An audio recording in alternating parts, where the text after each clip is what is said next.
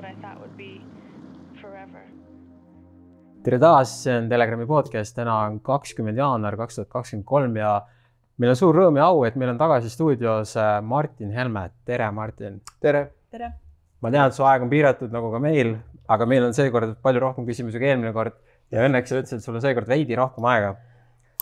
siis äh, hakkame siit lihtsalt pihta, et äh, ma ei taha mitte kedagi rünnata, aga ma küsin väga konkreetselt, et äh, miks me peaksime valima EKRE-t? Ning äh, miks ma natuke täpsustan, et lihtsalt kui ma nagu vaatan äh, erinevate nende mm, erakondade neid, ütleme siis neid plaane, visioone, asju, nad on laias laastus minu jaoks üpris sarnased, et seal ei ole nagu midagi nagu sihukest vau-efekti, ma ise ei taju.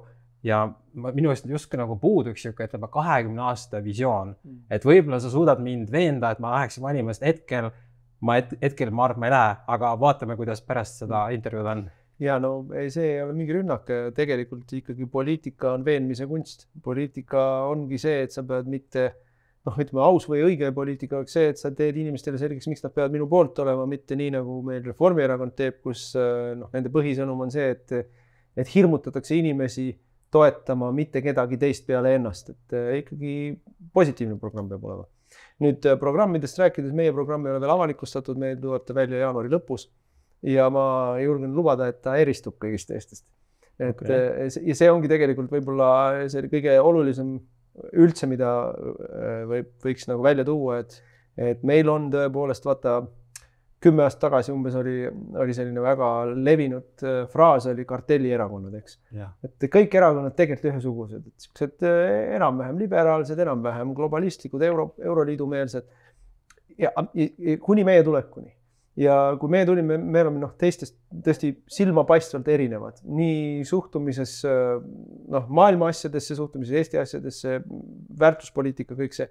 Ja, ja see ei ole tegelikult ära kadunud, et kui me olime ka valitsuses, väga paljud inimesed kogu aeg olid mures, et, et ega te nüüd ei soinistu ja ega te nüüd ei muutu selle noh, korrumpeerunud eliidiga niisuguseks sarnaseks ja ma julgen öelda, et ei soinistunud, ei muutunud, et sellest ju kõik need raevukad, raevukad, ägedad rünnakud meie vastu, et, et, et me ei muutunudki nende sarnaseks, et noh, kurat võeti valitsusse ja ikka ja ei hakanud korralikeks inimesteks. Nüüd muidu noh, programmist rääkides ma lihtsalt. kas teil on kahekümne aasta visioon?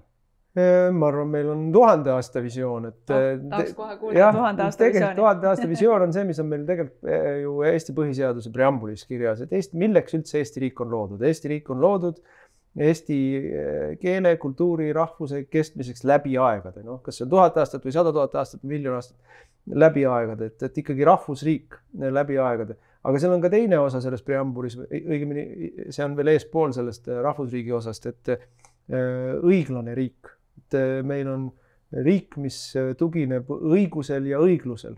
ehk siis õigusel tähendab seda, et ta on meil äh, noh, toimiv seaduste ees on kõik võrdsed, selline riik, kus on meil toimiv, toimiv kohtusüsteem, toimiv õigus, õigussüsteem nii et ja, ja seda meil ju ei ole. ei ole jah, sest siin koroonaga ole. nägime, et põhiseadus sõltis teerulliga üle. absoluutselt ja, ja, ja nüüd ma muidugi äh, teen ise selle vea, et hakkan hirmutama valijaid aga kui ma loen Reformierakonna, Eesti kahesaja ja Sotsiaaldemokraatliku Erakonna programme, siis neil on kõigil seal sees vihakõne seadustamine äh,. see tähendab tsensuuri kehtestamine ja, ja, ja see on noh, see on kõige esimene asi, kui sult võetakse ära võimalus kritiseerida valitsust siis kõik muu juba on noh, ebaoluline. sul, ei ole võimalik öelda, et ma ei ole nõus äh, selle, teise või kolmanda asjaga, ma ei ole nõus sundsüstimisega või ma ei ole nõus noh, ükskõik millega, selle maksupoliitikaga, Nursipaluga, mille, üks, ükskõik millest me räägime. kui sul kehtestatakse vihakõneseadus, siis sa enam ei saa öö, äh, oma seisukohti kuuldavaks teha ja, ja, ja, ja võimu kritiseerida ja see on neil kõigil sees seal ja noh, muidugi on seal neil teine terve hulk muid asju sees, noh, rohepööre on neil kõigil sees, mis tähendab seda, et meid pannakse järgmine, järgmistel aastatel ikkagi veel suurema vaesumiskursi peale. Äh, et kui me tahame seda, noh, minu meelest me oleme Eestis praegu katastroofikursil ühiskonnana, riigina, rahvusena ja kui me tahame seda katastroofikurssi vältida, siis tegelikult ei ole mitte kedagi teist, kelle poole valimistel pöörduda, kui meie erakond, sest me oleme ainus erakond, kes üldse nagu tunnistab, et meil on nii suur probleem. ja kellel on ka siis südikus selle kõigega võidelda, et noh, ma usun, et me jõuame nende üksikute teemade kaupa ka veel edasi lahata, aga kõik teised on leppinud sellega, et, et noh, kuidagi tiksutaks veel mõned aastad, vaataks, kuidas, kuidas hakkama saaks ja noh, olulistele probleemidele otsa ei vaata, et, et noh, ükskõik, kas see oluline probleem on meil immigratsioon või sündivus või vabaduste ärakadumine või, või majanduse allakäik, noh, ainult loosungitega üritatakse valijate tähelepanu kuhugi mujale juhtida, et nad seekord veel see, ka neil valimistel korra veel selle pettuse konksu alla neelaksid ja, ja, ja nende kartellierakondadele annaks piisava enamuse, et nad saaksid edasi jätkata seda, mida nad on teinud. aga kui nüüd rääkida nendest teistest erakondadest, keda sa nimetasid, ma saan samamoodi aru neist, nagu sa praegu kirjeldasid. mu küsimus on, kas nad teevad seda teadlikult, kas nad arvavadki, et see, mida nad teevad, on õige ja nad on kõik väga sarnased. kuidas sa sellest üldse aru saad? mul on, minul on niisugune tunne, et nad on nagu need kuidagimoodi bioloogilised robotid, et see lihtsalt läheb programmi pealt mm. nagu eks seal ole nii ja naasuguseid inimesi ju muidugi. Äh, kui ma noh, vaatan, mõtlen oma Riigikogu kolleege, eks ju, noh, võtame näiteks Kristina Šmigun-Vähi, kena, tore, meeldiv inimene, aga, aga laitmatult hääletab alati kõikide halbade asjade poolt aga seal on siukseid väga palju. ja seal on selliseid palju, et noh, kui ma meenutan näiteks eelmist Riigikogu koosseisu, ma saan täpselt samamoodi, et kena, tore, meeldiv inimene oli Maire Aunaste aga, aga hääletas nii, et noh, hoia kahe käega peast kinni.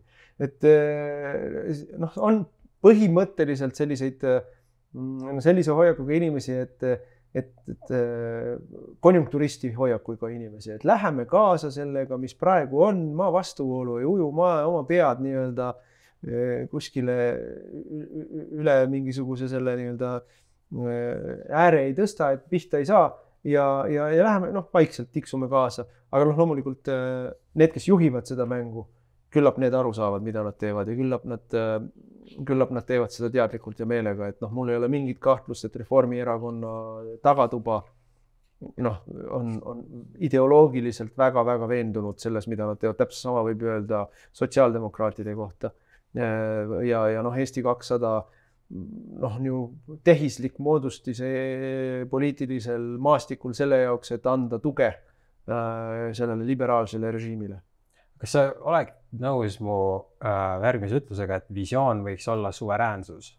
absoluutselt nõus, see on minu meelest järgmise Riigikogu koosseisu, ütleme siis poliitilise tsükli, aga, aga tegelikult ma arvan, järgmise kümne-viieteist aasta kõige põhilisem võitlus meil üldse et suveräänsuse tagasisaamine tegelikult, meil ei ole ju enam suurt osa suveräänsust üldse, et kui meil siin näiteks noh, mind lihtsalt ajab vihale, kui äh, tullakse lagedale jutuga, et äh, valimiste eel on avatud maksudebatt ja siis meil arutatakse mingisugust paarikümmend eurot siia või sinnapoole maksuküüruga ja siis arutatakse meil noh, ma ei tea, et kas me teeme autode maksu või ei tee autode maksu või kinnisvaramaksu või mitte kinnisvaramaksu ja siis me vaatame, kuidas kuskil detsembri lõpul, jõulude eel Brüssel otsustab kehtima panna CO2 maksusüsteemi nii maanteetranspordile kui kodusoojale, mis viib miljardeid e-, Eesti ettevõtete ja inimeste taskust, mis on sisuliselt maks, mida ei ole ei arutatud Eesti parlamendis sisuliselt, ei ole arutatud avalikkuses kuskil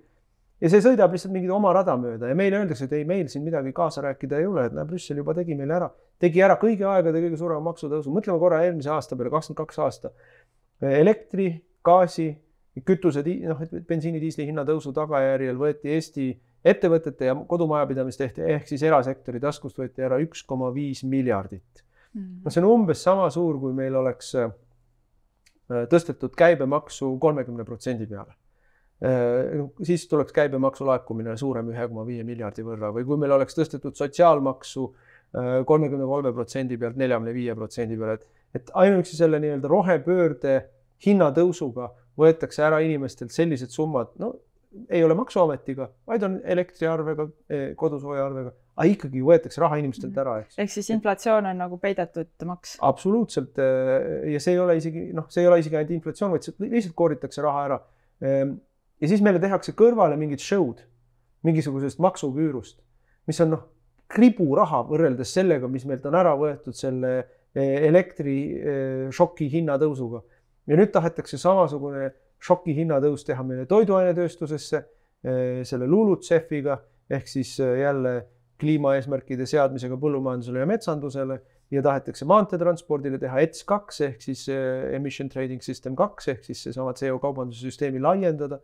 Miljardid võetakse meilt ära ja, ja, ma saan, ma saan täiesti aru, aga küsimus on, kuidas seda nüüd, seda suveräänsust tekitada, kui me oleme niimoodi Euroopa Liidust sõltuvuses? ja, ja nüüd ongi, vaata suveräänsus on selline asi, et kas seda, kas on või ei ole ja seda kas rakendad või ei rakenda. et ega, kui me mõtleme selle peale, kas see on kõik seaduslik, see ei ole seaduslik üldse, sest Eesti äh, rahvas, kõrgem võim, kahe tuhande kolmandal aastal hääletas põhiseaduse täienduse, et me tohime Euroopa Liidus olla tingimusel, et meil säilib meie suveräänsus ja et see ei ole vastuolus meie põhiseaduse aluspõhimõtetega. aluspõhimõtted on preambul, aluspõhimõtted on seal need kõik need nii-öelda riigi, riigi kõige tähtsamad funktsioonid, milleks muuhulgas on siis paragrahv üks, eks ju, Eesti on sõltumatu ja suveräänne ja see on aegumatu. et nende, see, see on see mandaat, mille rahvas andis kaks tuhat kolm. kaks tuhat kaksteist, kui liituti ESM-iga ehk siis selle nii-öelda Kreeka abipaketiga, ütles põhiseadus, kohus meile ehk riigikohus meile, et mandaat on ammendunud, rohkem kaugemale minna enam eurointegratsiooniga minna ei saa. mandaat on ammendunud. kui nüüd tuleb keegi meile ütleb, et aa, Brüsselis otsustati meile, me teeme siin teile CO2 maksu või et Brüsselis otsustati teie immigratsioonipoliitikat ümber teha, siis see ei ole seaduslik. see ei ole äh, tegelikult legitiimne ja kui nüüd Eestil on valitsus, kes nii ütleb, et te võite seal Brüsselis otsustada, mida tahate, me ei rakenda seda, sest see ei ole seaduslik, see ei ole kooskõlas rahva mandaadiga, see ei ole kooskõlas meie põhiseadusega, siis see ongi suveräänsuse tagasitoomine. ja, ja noh, kui me läheme tagasi nende teiste erakondade juurde, siis ükski teine erakond Eestis, mitte ükski teine erakond Eestis peale meie eh, ei ütlegi seda. aga meil, mina ütlen, et see suveräänsuse kaitsmine eh, nii rahaasjades kui immigratsiooni asjades kui ka nendesama rohepöörde asjades on järgmiste aastate kõige tähtsam võitlus. aga kui te, kui te saate valitsusse, siis äh, ilmselt seal on ju teised erakonnad ka, et kuidas, kuidas nagu saada siis neid teisi nõusse äh, just selle suveräänsuse noh, osas see on, see on tegelikult väga oluline küsimus, sest et noh, me võime siin ju tahta, aga praegu ei näe, et me saaksime viitekümmet ühte kohta järgmises Riigikogu koosseisus, et see on ülejärgmise Riigikogu koosseisu ülesanne. aga ära naera. loomulikult. ei, selles suhtes see on täiesti võimalik, vaadates, kuidas EKRE on tõusnud mitte kuskilt noh, väga kõrgele, on ju, et ja aga noh, poliitilised protsessid võtavad aega Jah. lihtsalt, et noh, siin me liigume samm-sammult ja, ja mis on tähtis, et noh, meie organisatsioonina võime ju seda isegi välja kanda, aga kuni avalikkus ei ole veel noh, teadvustanud seda kõike, et ega ka see rohepöörde äh, tagajärgede ehk elektri noh, energia hinnašoki äh, see teadvustamine ju alles, alles praegu ka veel ikka veel settib, et ega inimesed siiamaani päris täpselt aru ei saa, kust see nüüd tuli ja miks see nüüd on siiamaani osad inimesed usuvad seda rumalat juttu, et see on Putini sõja tagajärg. no ei ole, Eesti elektri hind ei ole Putini sõja tagajärg. et eh, see võib mõnes teises piirkonnas nii olla, kus on gaasi peal olnud ja kus on noh, mingid teised äh, energia äh, tootmisviisid olnud, aga Eestis mitte ähm,. nüüd äh, koalitsioonidega on jah niimoodi, et eks koalitsioonides äh, tuleb mingid järeleandmised teha, see noh, see on lihtsalt poliitiline paratamatus. aga, aga koalitsioonides on ka ikkagi sedasi, et kui sa ei küsi, siis sa ei saa kui sa ei kauple, siis ei õnnestu midagi saada. ja, ja, ja teine asi, mis on tähtis koalitsioonide puhul muidugi on, et mida suurem on sinu erikaal Riigikogus, mida rohkem sul on kohti põhimõtteliselt parlamendi matemaatikas, seda rohkem sa saad nõuda. Et noh, need on niisugused äh, elementaarsed tõed ja, ja noh, kolmas elementaarne tõde on see, et äh, ma olen ka kärsitu inimene ja, ja olen pidanud elus äh, õppima olema kannatlikum, kui ma tahaks. et järjekindlalt tasapisi samm-sammult oma asja ajades ikkagi liigud eesmärgi poole, et seda, et meil siin korraga pauguga saame kõik korda teha, no seda ei ole võimalik lihtsalt tahta. Äh, mis sa arvad sellest, et suveräänsus saab ainult sularahaga ja see peaks olema põhiseaduses? ja eri, no ma, eriti, eriti just nende digitaalsete valuutade valguses. ja noh, ma mm, arvan, et äh, koroonaaeg peaks olema avanud ikkagi väga-väga paljude inimeste silmasid. et kui me siin või võisime veel mõni aasta tagasi, viis, viis aastat tagasi, oo Eesti on e-tiiger ja me siin teeme e-valimisi ja me siin teeme, meil on hästi palju juba pangateenused on kõik elektroonilised, siis me täna saame aru seda, et, digitaalne raha või, või virtuaalne raha ei ole sinu raha. aga kas teil on see valimisprogrammis kirjas? Äh, sellisel kujul mitte, aga ma, ma sellest noh, ma arvan, et see ei kõneta, võib-olla suurem osa inimesi ei saa sellest isegi aru, aga tegelikult äh, E- Eesti seadustes on kirjas, et sa pead igal pool saama sularaha kasutada, nüüd on tähtis see, et see seadus ka täidetakse, täidetud oleks. ja noh, teine asi on see, ma väga palju puutusin sellega kokku, kui ma olin rahandusministrina, tegelesin rahapesu asjadega, et noh, miks meil rahapesu käest ära läks oli loomulikult see, et eh, järelevalvajad lihtsalt vaatasid teises suunas, ei tahtnud sellega tegeleda ja siis selle jaoks, et teeselda, et nad sellega tegelesid, nad tegelesid mingi kribu-krabuga.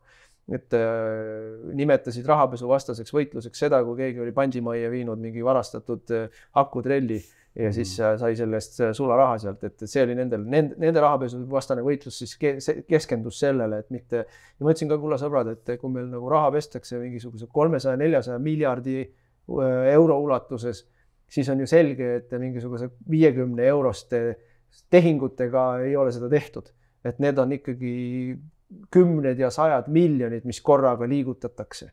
et ärge tegelege sellega, et keegi kuskil jättis maksmata oma korstnapühkijale äh, antud kolmekümne euro pealt tulumaksu, et tegelege või, või ma ei tea, mida iganes, eks ole, tegelege ikka nende sadade miljonitega, mis suure portsjoniga liiguvad, et siis te tegelikult saate kohe üsna kiiresti jälile, kes mida teeb. Aga see sina suur, rahandus see,, see suur, vaata see suur, no selles mõttes, et see suur digitaalne raha, vist igal aastavahetusel näidatakse toredat Die Hard filmi, eks Jah. ole, kus see, kus see osa on, kus on need küberrünnakud, eks ole, ja see täpselt nii ongi, et kui keegi kuskil vajutab nuppu, sul võivad olla kümnete eurode arvel, sul võivad olla kümned miljonid eurode arvel, kui keegi kuskil vajutab nuppu ja selle ära kustutab, siis sul seda raha ei ole, ongi kõik ja täpselt samamoodi ju me oleme näinud viimase kümne aasta jooksul, kuidas keskpangad vajutavad nuppu ja loovad miljardeid ja miljardeid juurde raha samamoodi, et noh, see, see, et meil säiliks päriselt sularaha, mida keegi sult ära ei saa võtta. noh, üks asi on see, et sul on see sularaha nii-öelda padja all, teine asi on see, et sul on see raha pangas, et noh, padja alt saab seda vähem kätte kui pangast, kui võim otsustab sind paljaks hakata röövima. ja ma toon ühe näite veel, Eestis on, just inflatsioonist rääkisime, Eestis on eraisikute äh, siis säästud, noh, arvel olev raha pankades umbes kaksteist miljardit. noh, see on muidugi ühiskonna mõistes hästi ebaühtlaselt jaotunud, et kuuekümnel protsendil Eesti inimestest ei ole pangas arvel üldse mitte midagi. Ja siis äh, see viimane jupikene, see, kellel on rohkem kui miljon arvel, see on hästi väike seltskond, aga neid raha, seda raha on hästi palju. et kaksteist miljardit, kahe aasta jooksul inflatsioon kolmkümmend protsenti, kolmkümmend üks protsenti, kahe aasta jooksul, mis Kaja Kallas on võimul olnud, inflatsioon kolm, võtame sellest kaheteistkümnest miljardist siis äh, kol-, kolmkümmend, kolmkümmend protsenti maha, kolmandiku maha, neli miljardit on nendelt inimestelt tegelikult raha ära võetud. neli Mhm. miljardit on neilt raha ära võetud. ilma, et keegi oleks aru saanud, ilma, et keegi oleks karjuma hakanud, ilma, et oleks toimunud eh, maksuküüru debatti. et see noh, selles mõttes see on, see on päris jõhker, kuidas meid see globaalne eh, rahasüsteem ja globaalne majandussüsteem lihtsalt paljaks riisub ja, ja noh, ma, mina olen noh, see ei ole nii suure teemana kunagi üles tõusnud Eestis, aga noh, mina olen äh, veendunud sularaha ja veel parem oleks, kui see oleks väärismetalliga kaetud sularaha pooldaja. mm. -hmm. sest ma, et ma korra kommenteerin seda, et, et, et ei saa ju otseselt Kaja Kallas selles süüdistada, kui tegelikult seda raha juba hakati kaks tuhat kakskümmend ka looma ja seda tegelikult noh, seoses koroonakriisiga on ju kogu maailmas trükiti juurde, et noh, toetame majandust, on ju, kuna majanduse paneme kinni. no ma tähendab, ma poolest saadik olen nõus mm. -hmm. et äh, see põhiline põhjus, miks meil inflatsioon praegu on ju täiesti pöörane, ei ole mitte Ukraina sõda. see põhiline põhjus on ja seda ütlevad äh, ikkagi sellised majandus- ja rahanduseksperdid, kes, kes ei, kes ei laula mingisugust sellist Davose laulu, eks ole. Et eh, väga selgelt ütlevad välja, selleks on keskpankade rahapoliitika, keskpankade rahatrükipoliitika, et kui ka kaks tuhat üheksa, kümme, eks ole, hakati trükkima, siis kümme aastat trükiti. Ja siis tuli koroona ja selle kahe aastaga trükiti veel kuus korda rohkem kui selle kümne aastaga, eelneva kümne aastaga, et noh, meil lihtsalt noh, see pritsib välja igalt poolt see raha. se- sellest on ju lihtne aru saada, kuidas see inflatsioon tekib, aga mul on siuke tunne, et enamus poliitikud või erakonnad ei, ei saa aru isegi sellest. ei saa, selles osas on sul kindlasti õigus. kui sa trükid juurde, siis obviously selle väärtus ju langeb ju.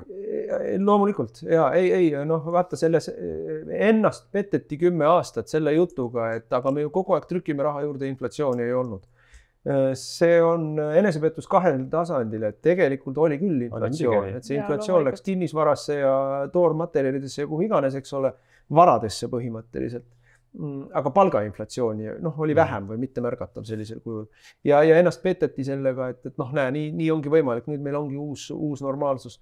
Mm, aga milles ma siiski süüdistan Kaja Kallast, on see, et, et kui, kui teistes riikides seda inflatsiooni nüüd energiakriisi tulles hakati ikkagi kuidagigi pärssima ja, ja, ja noh, maha suruma ja kompenseerima, siis meil mitte midagi, et noh, me olemegi Euroopa rekord. Nii inflatsioonis, Euroopa rekord ostujõu languses, Euroopa rekord tööstustoodangu mm. languses, Euroopa rekord tööpuuduse kasvus.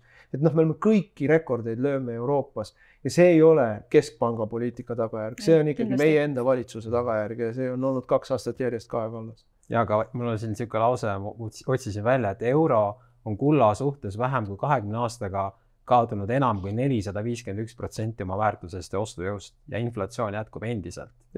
et äh, sa mainisid neid väärismetalle, et äh, mis sa arvad sellest, kas inimestel siis võiks, igal inimesel peaks olema põhimõtteliselt kulda ja hõbedat? noh, ma ei tea, kas seda jätkuks, aga, aga ma ütleksin niimoodi, et igal inimesel, kellel on mingisugunegi noh, ütleme siis vara kap, kap, kapitali akumulatsioon tekkinud, kellel on midagi, mingit väärtust, kes ei ela lihtsalt peost suhu, eks ole.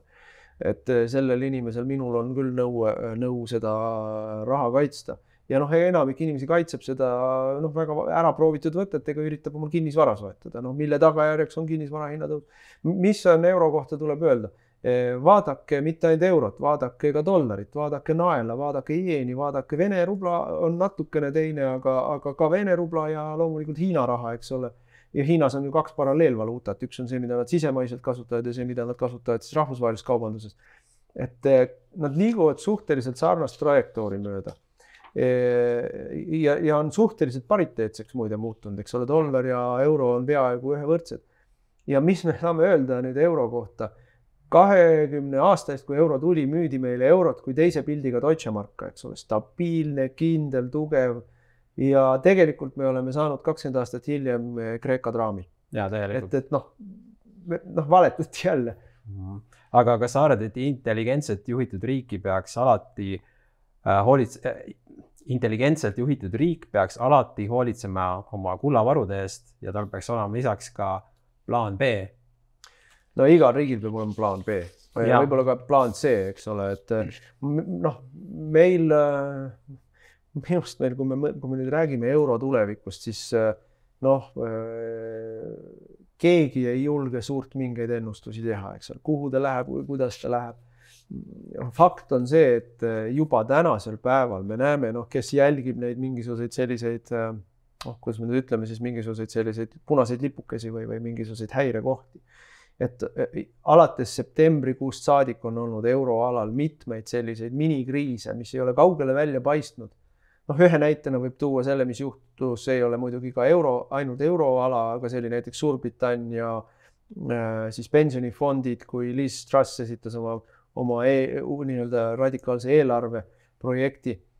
aga kuna see noh, see kogu see finantssüsteem on äh, väga omavahel tihedalt seotud, samasuguseid asju on juhtunud mujal ka, eks ju, et äh, noh, e, Itaalia võlakirjaturud, noh, siin Prantsuse äh, võlakirjaturud, mingid pangandus, pangandus sellised häirekellad, kus löövad seal et väga-väga äh, tõsised äh, sellised äh, noh, jõnksud on sees läbi käinud. aga mis juttu meile avalikult räägitakse? oi ei, kriis ei olegi nii hull, kui me arvasime ja normaliseerumine on juba tulemas ja kõike seda. noh, me võime seda uskuda, nii nagu meile räägiti ju pikalt-pikalt, kuidas inflatsioon on transitoorne ehk ainult ajutine. noh, tegelikult tuli välja, et need, kes ütlesid, et see inflatsioon on hull ja läheb hullemaks ja ei lähe nii kiiresti üle, neil oli õigus et äh, noh, mul on küll äh, pigem pessimistlik vaade selle kogu selle rahvusvahelisele finantskorraldusele, mis praegu toimub, et mhm. aga mis siis asemele tuleb või kuidas siis, kuidas siis hakkama saadakse, et noh, see, vot siin me jõuame selleni, et ühel korralikul riigil peab olema plaan B. et mis siis saab, kui, kui noh, euroga juhtub midagi taolist, nagu juhtus äh, noh, näiteks Saksamaal äh, kahekümnendatel Saksa margaga või mis siis saab, kui juhtub see, mis juhtus rublaga Nõukogude Liidu lõpuaastatel, et lihtsalt noh, kontrolli alt läheb välja. et äh, me praegu- oleme, meie, meie oleme seda näinud, vaata Lääne-Euroopas inimestele seda räägid, nad ei saa sellest aru, nad ei, neil puudub nagu elav mälu sellest, neil puudub mingisugunegi kogemus sellest. kui sa räägid seda Ida-Euroopas, siis inimesed saavad sellest aru, et, et ühel hetkel sul oli pangas, eks hoiukassas sul oli raha, mille eest sa oleks võinud endale osta uue auto ja järgmisel hetkel läksid selle eest poodi ja said saia. Ja et noh, see, see on päris õudne, et noh, ja, ja kõik tehti ühe laksuga vaeseks, eks ole, ja siis me kõik hakkasime sellest vaesusaugust välja ronima kuidagi, osad, osad, osadel õnnestus erastada ja said kiiremini aga, aga mis see, aga mis see plaan siis on, et praegu on ju ka inimesed on ju koguvad omale pensionit.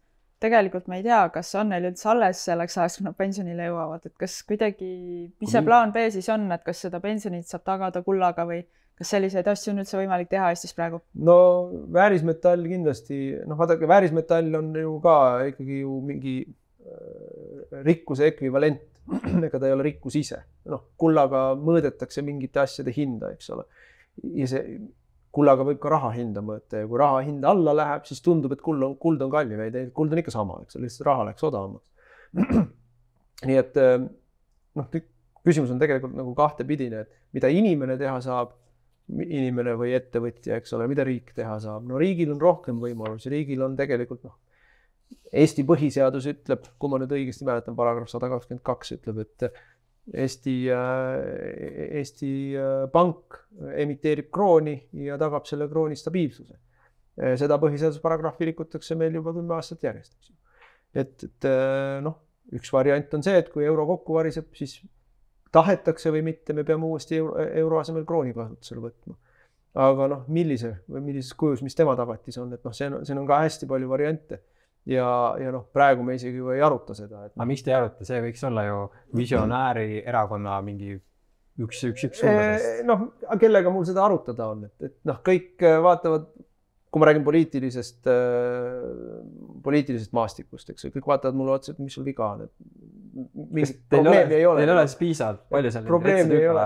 ei, ei noh, keegi ei näe probleemi, noh, või ei tunnista probleemi. noh, siis kui probleem käes on, siis hakkavad inimesed laperdama, aga praegu keegi ei näe ja ei tunnista probleemi, et, noh, tegelikult tuleb selle peale praegu juba mõelda, ma pean ütlema, et kui me olime eh, koroona tuleku ajal tegime mingeid kriisikoosolekuid, siis me korra arutasime seda tegelikult nii Eesti Pangaga kui Rahandusministeeriumiga, et noh, et kui nüüd toimub mingisugune täielik ra rahaturgude või, või rahasüsteemide kokkuvarisemine, et siis mis, mis on meie variandid, et et noh, meil siis on juba hilja tegelikult. Eh, no me me arutasimegi tookord juba seda ette, et mida, mida me teha saame, mida me tegema peame, kui mingisugused asjad hakkavad juhtuma, et noh, tookord me seda tegime. jah, aga kas, kas sa kujutad ette, et et tuleb niisugune reaalsus, kus osa, ütleme, pensioni siis reservidest ongi kullas? Sest praegu on niimoodi, et me, kui nüüd kukub see, siis inimesed saavad pensioni eest ainult nätsu osta lõpuks. jaa, aga see on ju süsteemi sisse ehitatud. ongi? see, see on põhjus, miks me tegime ju teise samba reformi. et vähemalt need inimesed, kes ei usu, et kolmkümmend aastat panga heaks töötades lõpeb sellega, et pank järgmised kolmkümmend aastat töötab sinu jaoks, et pole veel juhtunud. et, et ma arvan, et noh, ja kes ei usu seda, see võtab oma raha välja ja kes usub, et et kuskil on olemas head inimesed, kes talle raha teenivad, noh, noh, mina ei usu, minul ei ole kunagi olnud teist sammast ja ja ei, ei arva, et selle, et selle elu, noh, tegelikult on meil ju kogu pensionisüsteem töötab teistmoodi. pensionisüsteem töötab ikkagi niimoodi, et meil on olemas tööl käivad inimesed, kelle palgaraha pealt korjatakse kokku maksud ja nende maksudega makstakse pensionit nendele inimestele, kes täna on pensionärid et kui me tahame seda süsteemi teha, et inimene ise kogub oma pensionit eluaeg, siis ausalt öeldes noh, mina ei tea, kas seda riiki ja, ja panka sinna vahepeale vaja on, aga, aga noh, see, see kõik eeldab seda, et me usume rahasüsteemi, noh, meil on olnud kakskümmend aastat euro just praegu ütlesid, eks ole, väärtus on vahepeal nelisada protsenti vähenenud. inimesed käivad tööl nelikümmend ja rohkem aastat. noh, kui ratsionaalne see tegevus on noh, ma arvan, et väga paljude inimeste kõhutundega saavad aru, et see ei ole ratsionaalne ja üritavad seda teistmoodi lahendada, ostavad endale kas kinnisvara, ostavad endale mingeid aktsiaid, noh, aktsia ikkagi tähendab seda, et sul on olemas kuskil mingi ettevõte, mis toodab midagi ja mis teenib tulu, eks ole, mitte, mitte lihtsalt noh, mingi finantstulu, finantsvarana finantstulu, vaid ikkagi teeb midagi, on ta siis telefoni või hamburgerit, vahet ei ole, eks ole, et noh, teeb vähemalt midagi teeb et noh, tegelikult seda, seda mina propageeriksin rohkem. jah, ma loodan, et need, kes äh, suutsid ridade, ridade vahelt läbi lugeda, siis juba täna on olemas siuksed, ütleme, toimivad igakuised kogumisplaanid kullas ja niimoodi saad garanteerida vähemalt mingisuguse turvalisuse. aga, aga ma selle kulla kohta ütlen niimoodi, et ega mina äh, ei ole, ma olen kindlasti noh, kulda nagu pean väga noh, mõistlikuks asjaks, aga aga ka see kuld, ega kui see kuld on sul virtuaalselt kuskil noh, mingisuguse suurkorporatsiooni arvelehel, siis, siis kui äh, hakkab, äh, sitt hakkab sadama, eks ole siis kas sa oled kindel, et sa selle saad sealt kätte? ei, seda ei saa. no vot, et noh, vot siin me jõuame nagu väga, väga suurte probleemideni noh, selles nii-öelda praktilises külje pooles, et ühest küljest noh, ma väga ei tahaks endal koju seifi panna noh, ma ei tea siis mida iganes, mingeid sadasid gramme või kilosid, eks ju, väärismetalli, seepärast et noh, siis see peab väga kõva seif olema. aga teisest küljest, kui, kui ma teda hoian mõne suure asutuse seifis siis ega kui äh, noh, asjad halvaks läheb, kes see mulle, kuidas te, kuidas te veenate mind, et ma selle sealt kätte saan, eks ole. no siis tuleb ikkagi maha matta endal sinna no, peita ära. noh, lõppkokkuvõttes päris turvalist elu, päris turvalist lahendust polegi võimalik, tuleb selle loogika järgi välja. No üldiselt see on natuke depressiivne muidugi. ja, aga ütleme, tegijad jäävad alati tegijaks, ükskõik kui halvaks elu läheb, nad tulevad sealt august no, välja. põhiline on, minu meelest ikkagi põhiline on see, et kui me kui me jälgime arenguid ja elu ja kui me lihtsalt ei lase endale sisse sööta seda läbinämmutatud propagandanarratiivi, mis tuleb kõikidest äh, kanalitest meile ja jälgime neid noh, niisuguseid neid uudiseid, mis räägivad meile eluasjadest kasvõi nurga, nurga tagant niimoodi natukene, et noh, need samad väiksed punased lipukesed, mida sa jälgid, siis äh, peaaegu kunagi ei ole niimoodi, et asjad juhtuvad äh, täiesti ootamatult, et üldse ei olnud seda kuskilt näha, et noh, võtame kasvõi sellesama Ukraina sõja, noh, tegelikult oli ikka juba pikalt ette näha, et asi võib niimoodi minna. aga noh, kõik, kes tahab halba äh, sellist arengut uh, uskuda. ja me sellest sõjast kohe varsti räägime, aga Main, sa võta nüüd järgmine teema, sest meil, meil on vaja kiiremaks minna. muidu me ei jõua kõike läbi. ja räägiks võib-olla sellest, et äh, see on seotud ka selle Eesti visiooniga, et Eesti võiks olla bioloogiline paradiis Mm. see tähendab seda, et äh, meie riigis on parim toit, parim vesi, parim õhk, noh, puhtaim, et tegelikult need võimalused kõik on Eestis praegu olemas, et kas me ei võiks seda kuidagi pöörata enda kasuks, ma mõtlen ka rahalises mõttes, et kui seal Šveitsil on oma see mingi kuld ja sõjavägi ja juust ja kellad et siis Eesti oleks nagu see bioloogiline paradiis ja no ma sissejuhatuseks ütlen, et minu meelest Eesti peaaegu et ongi bioloogiline paradiis, et kui me mõtleme näiteks äh, maailma kõige puhtam pealinn on Tallinn, et äh, vist kolmas-neljas õhupuhtuselt. Maailma üks metsastunumaid riike on Eesti, soid on palju. et tegelikult me oleme, vett on palju, puhast vett on palju, et me oleme juba praegu, et see noh, see stardipositsioon või see noh, see mm -hmm. olukord, kus me oleme, on tegelikult väga hea et noh, mõned või, või paljud looduskaitsjad on siin mures, et oi, meil äh, jääme kohe oma metsadest ilma või, või mürgitatakse kohe ära, et noh, see on natukene üle, ülemuretsemine, et tuleb olla väga tähelepanelik, et, et arengud ei läheks käest ära või et ei, ei juhtuks midagi sellist, mida me pärast enam tagasi ei saa pöörata. aga, aga ma arvan, et see on veidi kontraproduktiivne kogu aeg paanikat õhutada sellel teemal, et ähm, nüüd selle kõrval on tähtis aru saada, et noh, me peame ikkagi midagi looma ka, et ega kui me tahame hästi elada, kui me tahame, meil oleks head palgad ja head pensionid ja, ja ma ei tea, head, hea, hea koolivõrk, hea haridusvõrk ja, ja tervishoiusüsteem. Ehm, noh, kuskilt see raha peab tulema, eks ole, riigikaitse veel lisaks küsib raha, eks. ja siis meil peab olema mingisugune läbimõeldud majandus, mis on päris majandus, et ma olen noh, ausalt öeldes muigega mõtlen äh, kõikidele nendele startup idele ja muudele sellistele, need minu arust on suures osas püramiidskeemid. Äh, et, et siis tuleb nagu ka sinna kõrvale ikkagi kohe välja mõelda ja välja pakkuda, et mis siis on see Eesti majandus. et äh, kas see on põllumajandus või see on mingisugune kõrgtehnoloogiline tootmine, noh, tänapäeval kõik räägivad akutööstusest, mikrokiipide tööstusest, aga see, aga noh, sellel on oma oma iva, aga siis me peame kindlasti teadma, et sealjuures sellel on ka oma noh, keskkonna jalajälg, eks ole. Nii eriti akutööstusel, muldmetallid, kõik need asjad ähm,. kiibitööstus ka ja seal on energeetilised vajadused, et äh, kiibi, kiibi ja aku tootmine nõuab väga palju elektrit. et me, midagi me peame tegema, niimoodi me ei saa, et me istume lihtsalt äh, ja, vaatame, kuidas ilus päikeselooja üle raba läheb. et, et noh, kuskilt peab tulema see majandus ka. absoluutselt ma kas ma eelmine kord andsin sulle ühe raamatu kaasa Vaba Energiast? ja, aga ma pole jõudnud lugeda. jah, see on okei okay,, et äh, pigem küsimus on, et kas, äh, kui EKRE oletame pääseks võimule, kas teie võiksite seista selle eest, et hakkaks riigi tasemel uurima vaba energia võimalusi, sest need teadlased on üle maailma olemas, kõik väidavad ühest suust, et puudub riiklik huvi, korporatsioonid survestavad nende tegevust. ja no vot täpselt nii ongi, et et meil, meil on vaja, noh, senikaua, kuni meil ei ole, kui keegi ei ütle mulle, kust see energia tuleb, senikaua me ei saa rääkida, et paneme lihtsalt seisma oma põlevkivi, eks ju. mina olen väga avatud innovatiivsete lahenduste suhtes, et noh, kui me olime valitsuses, siis me uurisime hüdroenergiat või siis no, vesinikuenergiat. noh, seal on omad, omad probleemid, mida tänaseks ei ole suutnud keegi öelda mulle, kuidas lahendatakse, eks ole, et seal on aga noh, teema väärt, väärib minu meelest vähemalt uurimist vähemalt selgelt väärib uurimist, et siin on nagu mingisugune valdkond, kus on potentsiaal on näha.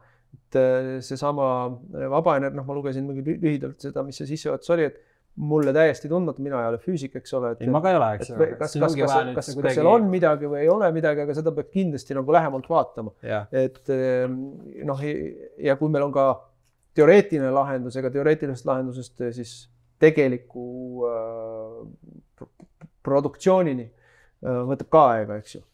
ja alguses võivad seal olla mingisugused tehnilised tõrked ja kõike, mida aga igal juhul tuleb, sest noh, ma, ma, ma olemuslikult olen nõus sellega, et me, inimkond peaks leidma endale mõistlikuma äh, energeetilise baasi, kui selleks on fossiili põletamine.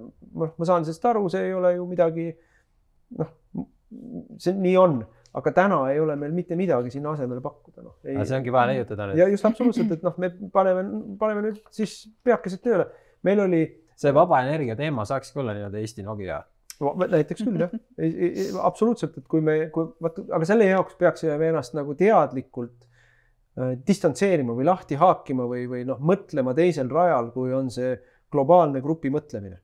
see globaalne grupi mõtlemine, ma nägin seda ju Brüsselis, see on, see on see on, noh, see on orjastav, see on täiesti õudne, kui sa lähed sinna, siis kõik inimesed siblivad mingisuguse ühe ja sama teema kallal, kõik ise, iseennast üksteist muudkui noh, taastoodavad ja peegeldavad neid ühtesid ja samasid teemasid. ja, ja kütavad ennast üles ühel ja samal äh, mingisugusel äh, sõnumitega ja siis äh, noh, sa lähed sinna sisse ja noh, sa ei saa sellest nagu äh, sa ei saa seal pidurit kuidagi hästi panna, sellepärast et noh, siis oled täielik valge vares, eks ole, siis sa ei saa sellest voolust välja astuda. välja arvatud juhul, kui sa selgelt teadvustad endale, et see kõik, mis siin tehakse, see on jama Mm -hmm. me teeme väikse pausi, kõik, kes te share ite seda saadet oma Facebookis, teie saate loos, võite osaleda terve kasti selle äh, lumiorava vee loosimises, saad ka kauba peale David Icke'i raamatu Lõks mille välja pannud äh, Reval Puhk. Lähme kohe edasi ning äh, Paywalli taga me räägime sihukestest teemadest nagu süvariik äh,. CO2 äh,, Covid hoax äh,, viirusepettus, sõjapettus ja võib-olla ka kosmosepettusest